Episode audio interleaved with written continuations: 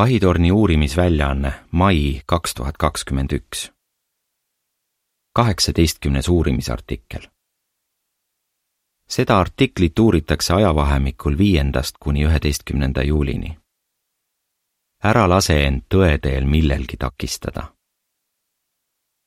juhttekst. õnnelik on see, kes minus ei kahtle. Matteuse üksteist kuus alguslaul number viiskümmend neli, see on tee. ülevaade. ehkki Jeesus on suurim õpetaja, kes kunagi maa peal on elanud, ei võtnud paljud tema kaasaegsed teda kuulda. miks? selles artiklis võtame arutluse alla neli põhjust. vaatame ka seda, miks tänapäeval on paljudel raske mõista, mida Jeesuse järelkäijad räägivad või teevad. mis kõige tähtsam me õpime, kuidas hoida oma usku Jeesusesse kindlana. see ja järgmine artikkel on suunatud eelkõige neile, kes käivad Jehova tunnistajatega läbi, kuid pole veel võtnud ette samme, et hakata Jumalat teenima. lõik üks, küsimus. mis võis sind üllatada, kui sa hakkasid piibli sõnumist teistele rääkima? kas mäletad aega, mil sa mõistsid, et oled leidnud tõe? Piibli õpetused tundusid nii lihtsad ja selged. sa eeldasid, et igaüks tahab rõõmuga neid mõtteid kuulda. sa olid veendunud, et piibli sõnum annab elule mõtte ja imelise tuleviku lootuse. seepärast rääkisid sa õhinal oma avastustest kõigile sõpradele ja sugulastele. ent mis juhtus?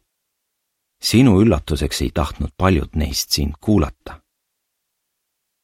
lõigud kaks ja kolm küsimus. kuidas suurem osa Jeesuse kaasaegseid temasse suhtus? meid ei peaks üllatama see, et meie sõnumit ei taheta kuulata. Jeesuse päevil ei võtnud suurem osa inimestest teda kuulda, ehkki ta tegi ka imesid, mis näitasid, et tal on Jumala toetus. näiteks äratas Jeesus surnust üles Laatsaruse ja vastased ei saanud seda kuidagi eitada siiski ei pidanud nad teda messiaks. juudi ülemad tahtsid Jeesuse ja Laatsaruse hoopis ära tappa. Jeesus teadis, et enamik inimesi ei tunnista teda messiana. ta ütles ristija Johannese jüngritele. õnnelik on see, kes minus ei kahtle. Matteuse üksteist kuus. miks nii paljud Jeesuse ära põlgasid? lõik neli, küsimus mida me selles artiklis arutame. selles ja järgmises artiklis vaatame põhjuseid, miks paljud esimesel sajandil Jeesusesse ei uskunud. samuti vaatame, miks tänapäeval meid eriti kuulda ei võeta. ja mis kõige tähtsam, uurime, kuidas me saame oma usku kasvatada, et Jeesust otsusekindlalt järgida. esiteks, Jeesuse taust. lõik viis küsimus. miks võidi järeldada, et Jeesus ei saa olla tõotatud Messias? paljudele sai komistuskiviks Jeesuse taust. Nad küll nägid, et Jeesus on suurepärane õpetaja ja et ta suudab imesid teha, ent siiski oli ta nende silmis lihtsalt vaese puusepa poeg. ja Jeesus tuli Naatsaretist, mida peeti ilmselt ebaoluliseks paigaks.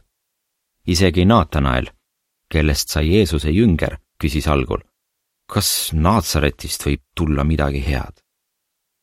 Johannese üks nelikümmend kuus. Naatanaelile võis Jeesuse tolleaegne elupaik tunduda üsna mõttetu koht. või siis oli tal meeles ennustus tekstis Miika viis kaks, kus öeldakse, et Messias sünnib Petlemmas, mitte Naatsaretis.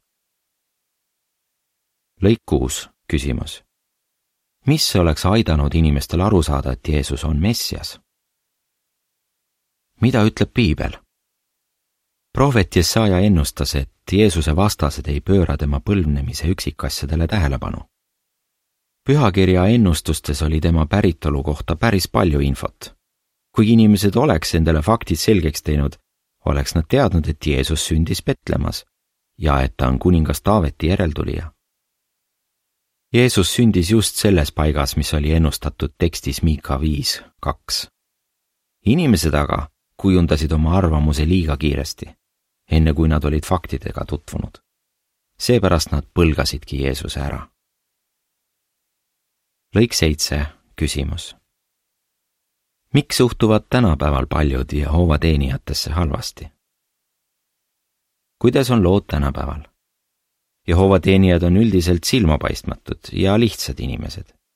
arvatakse, et nad ei tohiks piibli kohta õpetust anda, kuna nad pole läbinud mainekaid teoloogilisi koole. Jehova tunnistajaid peetakse ka Ameerika religiooniks, ehkki vaid umbes neliteist protsenti neist elab USA-s. on neid, kes arvavad, et Jehova tunnistajad ei pea Jeesust oluliseks aastakümnete jooksul on jumala rahvast tembeldatud kommunistideks, Ameerika spioonideks ja ekstremistideks. paljud on läinud selliste valejuttude õnge ega ole uurinud fakte. seetõttu ei taha nad Jehova tunnistajaks saada. lõik kaheksa, küsimus. mis aitab teha kindlaks, kes on tänapäeval jumala rahvas? kuidas oma usku hoida ja tugevdada? Vaja on uurida fakte. seda tegi näiteks evangeeliumi kirjutaja Luukas. ta otsustas kõik algusest alates täpselt järele uurida. Luukas tahtis, et tema lugejad näeksid, kui usaldusväärne on see, mida neile Jeesuse kohta on räägitud. Muistse Beroia linna juudid olid samasuguse hoiakuga. kui nad kuulsid esimest korda Jeesusest, uurisid nad Heebrea pühakirjast järele, kas räägitu on ikka tõsi Apostlite teod seitseteist üksteist ütleb. sealsetel juutidel oli parem hoiak kui Thessalonika juutidel, sest nad kuulasid Jumala sõna suure huviga ning uurisid hoolega iga päev pühakirja, et veenduda, kas kuuldu on tõsi. seega tuleb inimesel faktid endale selgeks teha. tal tuleb järele uurida, kas see, mida Jehova teenijad õpetavad, põhineb piiblil samuti oleks hea tutvuda Jehova teenijate nüüdisajalooga. selline mõistlik taustauuring on vajalik, et eelarvamused ega kuulujutud teda ei eksitaks. teiseks, Jeesus ei teinud imesid uhkeldamise pärast. lõik üheksa, küsimus. kuidas mõned reageerisid, kui Jeesus keeldus tunnustähte näitamast? Jeesuse õpetused ei rahuldanud sugugi mitte kõiki inimesi Nad nõudsid, et ta näitaks neile tunnustähte taevast ja tõestaks nii, et ta on Messias. võib-olla põhines nende nõudmine sellele, et nad tõlgendasid vääriti sõnu tekstist Daniel seitse, kolmteist ja neliteist. ent polnud veel käes Jehova määratud aeg selle ennustuse täitumiseks.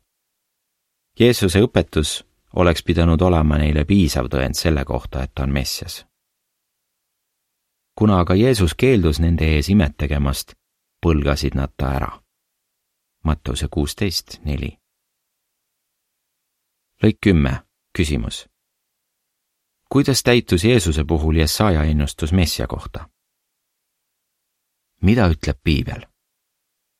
Jesaja kirjutas Messia kohta, ta ei kisenda ega karju, tema häält ei kuulda tänavail. Jesaja nelikümmend kaks, üks ja kaks Jeesus ei tõmmanud oma teenistusega endale tähelepanu. ta ei ehitanud vägevaid templeid, ei kandnud erilisi vaimuliku rõivaid ega nõudnud, et tema poole pöördutaks uhkete religioossete tiitlitega. kui Jeesus oli kuningas Herodese ees, ei teinud ta temale mulje avaldamiseks mingeid imetegusid, ehkki tema elu oli ohus. Jeesus küll tegi vahel imesid, kuid tema peamine tegevus oli hea sõnumi kuulutamine. ta ütles oma jüngritele, selleks ma olengi tulnud. Markuse üks kolmkümmend kaheksa. lõik üksteist, küsimus. milliseid valesid ootusi võib inimestel tänapäeval olla? kuidas on lood tänapäeval? paljudele avaldavad muljet suurejoonelised katedraalid koos oma kallite kunstiteostega vaimulikke kõlavad tiitlid ning tseremooniad, mille algupära enam ei mäletata. kas aga inimesed õpivad neil jumalateenistustel midagi Jumala ja tema eesmärkide kohta? Need, kes tulevad meie koguduse koosolekutele, õpivad seda, mida Jehova neilt ootab ja kuidas täita tema tahet. meie kuningriigi saalid on puhtad ja otstarbekad, mitte toretsevad. Neil, kes on kogudustes eestvedajad, pole mingeid erilisi tiitleid ega silmatorkavat ametirõivast. meie õpetuste ja uskumuste alus on Jumala sõna siiski häirib paljusid see, et meie jumalateenimisviis on liiga lihtne. Nad tahavad kuulda midagi muud kui seda, mida meie neile õpetame. lõik kaksteist, küsimus. millel peaks meie usk põhinema? Kuidas oma usku hoida ja tugevdada?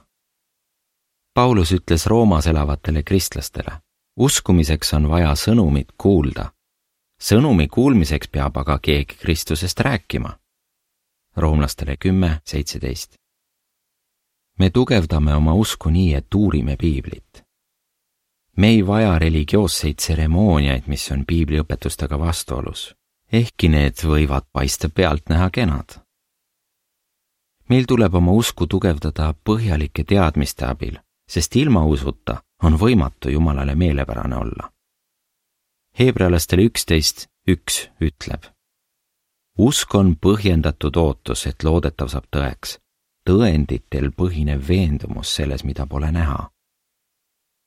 salm kuus ütleb, ilma usuta on võimatu Jumalale meelepärane olla.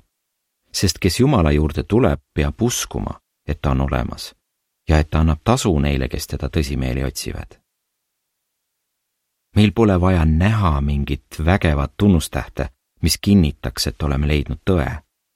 meile piisab piibli õpetuste uurimisest, et oma usku kasvatada ja kahtlused hajutada.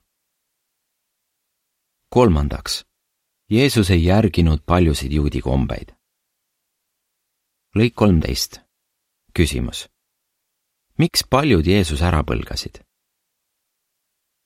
Jeesuse päevil imestasid Risti ja Johannese jüngrid selle üle, et Jeesuse jüngrid ei paastu. Jeesus selgitas, et neil pole põhjust paastuda, kuna ta on veel elus. ent variserid ja teised vastased mõistsid Jeesuse hukka, sest ta ei järginud nende kombeid. Nad vihastasid, kui Jeesus tegi haigeid terveks hingamispäeval. ühest küljest nad väitsid, et peavad hingamispäeva au sees kuid teisest küljest oli nende arvates täitsa kohane templis äri ajada. Neid pahandas see, et Jeesus nad hukka mõistis. kui Jeesus kuulutas Naatsareti sünagoogis, ärritusid tema kuulajad selle peale, et ta võrdles neid negatiivsete tegelastega Iisraeli ajaloos ja paljastas nende usupuuduse. Jeesuse käitumine tundus paljudele ootamatu ja sai neile komistuskiviks lõik neliteist, küsimus. miks mõistis Jeesus hukka inimeste traditsioonid, mis olid pühakirjaga vastuolus? mida ütleb piibel? Jehova ütles prohvet Jesaja kaudu, see rahvas ligineb mulle suuga ja nad ülistavad mind huultega, aga nende süda on minust kaugel ja nende jumala teenimine pole muud kui inimeste käskude järgimine. Jesaja kakskümmend üheksa, kolmteist Jeesusel oli igati põhjust mõista hukka traditsioonid, mis olid pühakirjaga vastuolus. Need, kes pidasid inimeste välja mõeldud kombeid pühakirjast olulisemaks, põlgasid ära Jehova ja tema saadetud messia. lõik viisteist, küsimus. mis häirib tänapäeval paljusid Jehova tunnistajate juures? kuidas on lood tänapäeval? Paljusid ärritab see, et Jehova tunnistajad ei pea sünnipäevi või jõule. teised on vihased, et Jehova tunnistajad ei tähista patriootlikke pühi või ei järgi selliseid matusekombeid, mis on piibli põhimõtetega vastuolus. Need, keda see kõik häirib, võivad ise siiralt arvata, et nad teenivad Jumalat õigel viisil. ent nad ei saa olla Jumalale meelepärased, kui nad eelistavad inimeste traditsioone piibli selgetele õpetustele lõik kuusteist, küsimus. mida meil tuleb teha ja millest hoiduda? kuidas oma usku hoida ja tugevdada? meil on vaja kasvatada armastust Jehova seaduste ja põhimõtete vastu. kui me armastame Jehovat, siis ei järgi me ühtki sellist kommet, mis talle ei meeldi. me ei tohiks lasta millelgi kahandada oma armastust Jehova vastu. laul sada üheksateist üheksakümmend seitse ütleb. Kuidas ma küll armastan sinu seadust. kogu päeva mõtisklen ma selle üle. salmis sada kolmteist on kirjas. ma vihkan ükskõikseid, aga sinu seadust ma armastan salmides sada kuuskümmend kolm kuni sada kuuskümmend viis on öeldud. ma vihkan valet, ma jälestan seda. kuid sinu seadust ma armastan.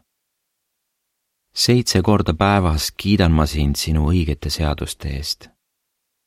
sinu seaduse armastajal on suur rahu, miski ei pane neid komistama.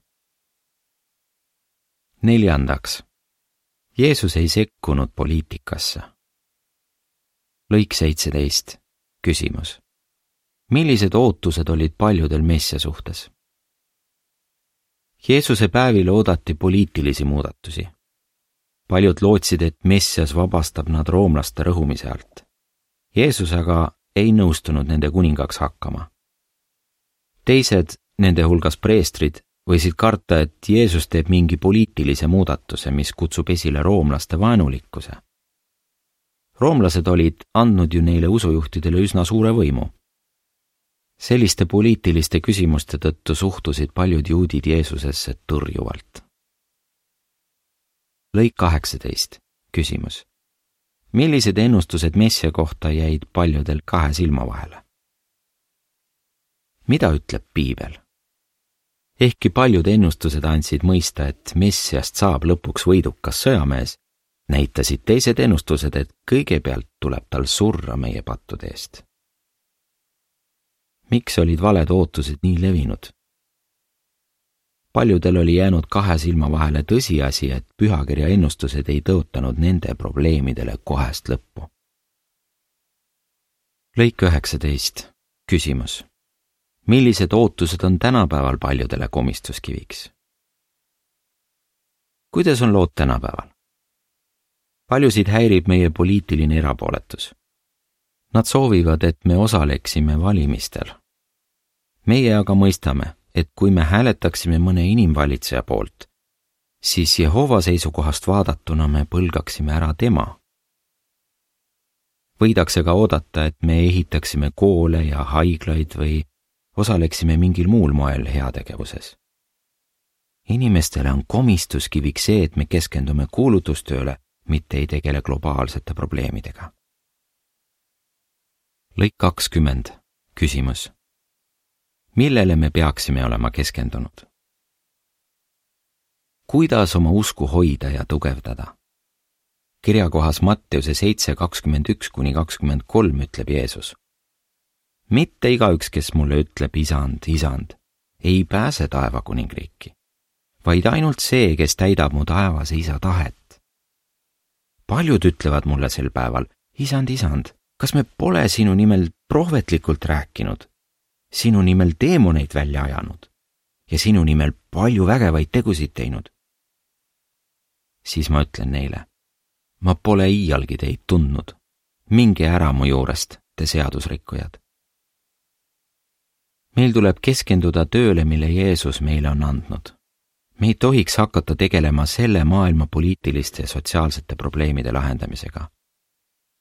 me hoolime inimestest, ent teame, et parim viis nende aitamiseks on rääkida neile Jumala kuningriigist ja aidata neil Jehovaga sõbraks saada. lõik kakskümmend üks. küsimus. mida meil tuleks otsusekindlalt teha? oleme selles artiklis arutanud nelja põhjust, miks paljud esimesel sajandil põlgasid Jeesuse ära? ja miks paljud tänapäeval ei taha Jeesuse järelkäijaid kuulda võtta? Järgmises artiklis võtame arutluse alla veel neli asja, mis võivad inimestele komistuskiviks olla. hoidkem siis oma usk tugevana ja ärgem laskem millelgi takistada end Jeesust järgimast. järgneb selle artikli piltide selgitus. esimene pilt Philippus julgustab Naatanaeli Jeesusega tutvuma. teine pilt. Jeesus kuulutab head sõnumit. Kolmas pilt. Jeesus teeb vastaste silme all terveks kuivetunud käega mehe. neljas pilt. Jeesus läheb üksi mäe otsa. pildi allkirjas öeldakse. paljud põlgasid Jeesuse ära, esiteks tema tausta tõttu. teiseks, kuna ta keeldus tunnustähti tegemast. kolmandaks, kuna ta ei pidanud oluliseks mõningaid nende traditsioone. ja neljandaks, kuna ta ei sekkunud poliitikasse.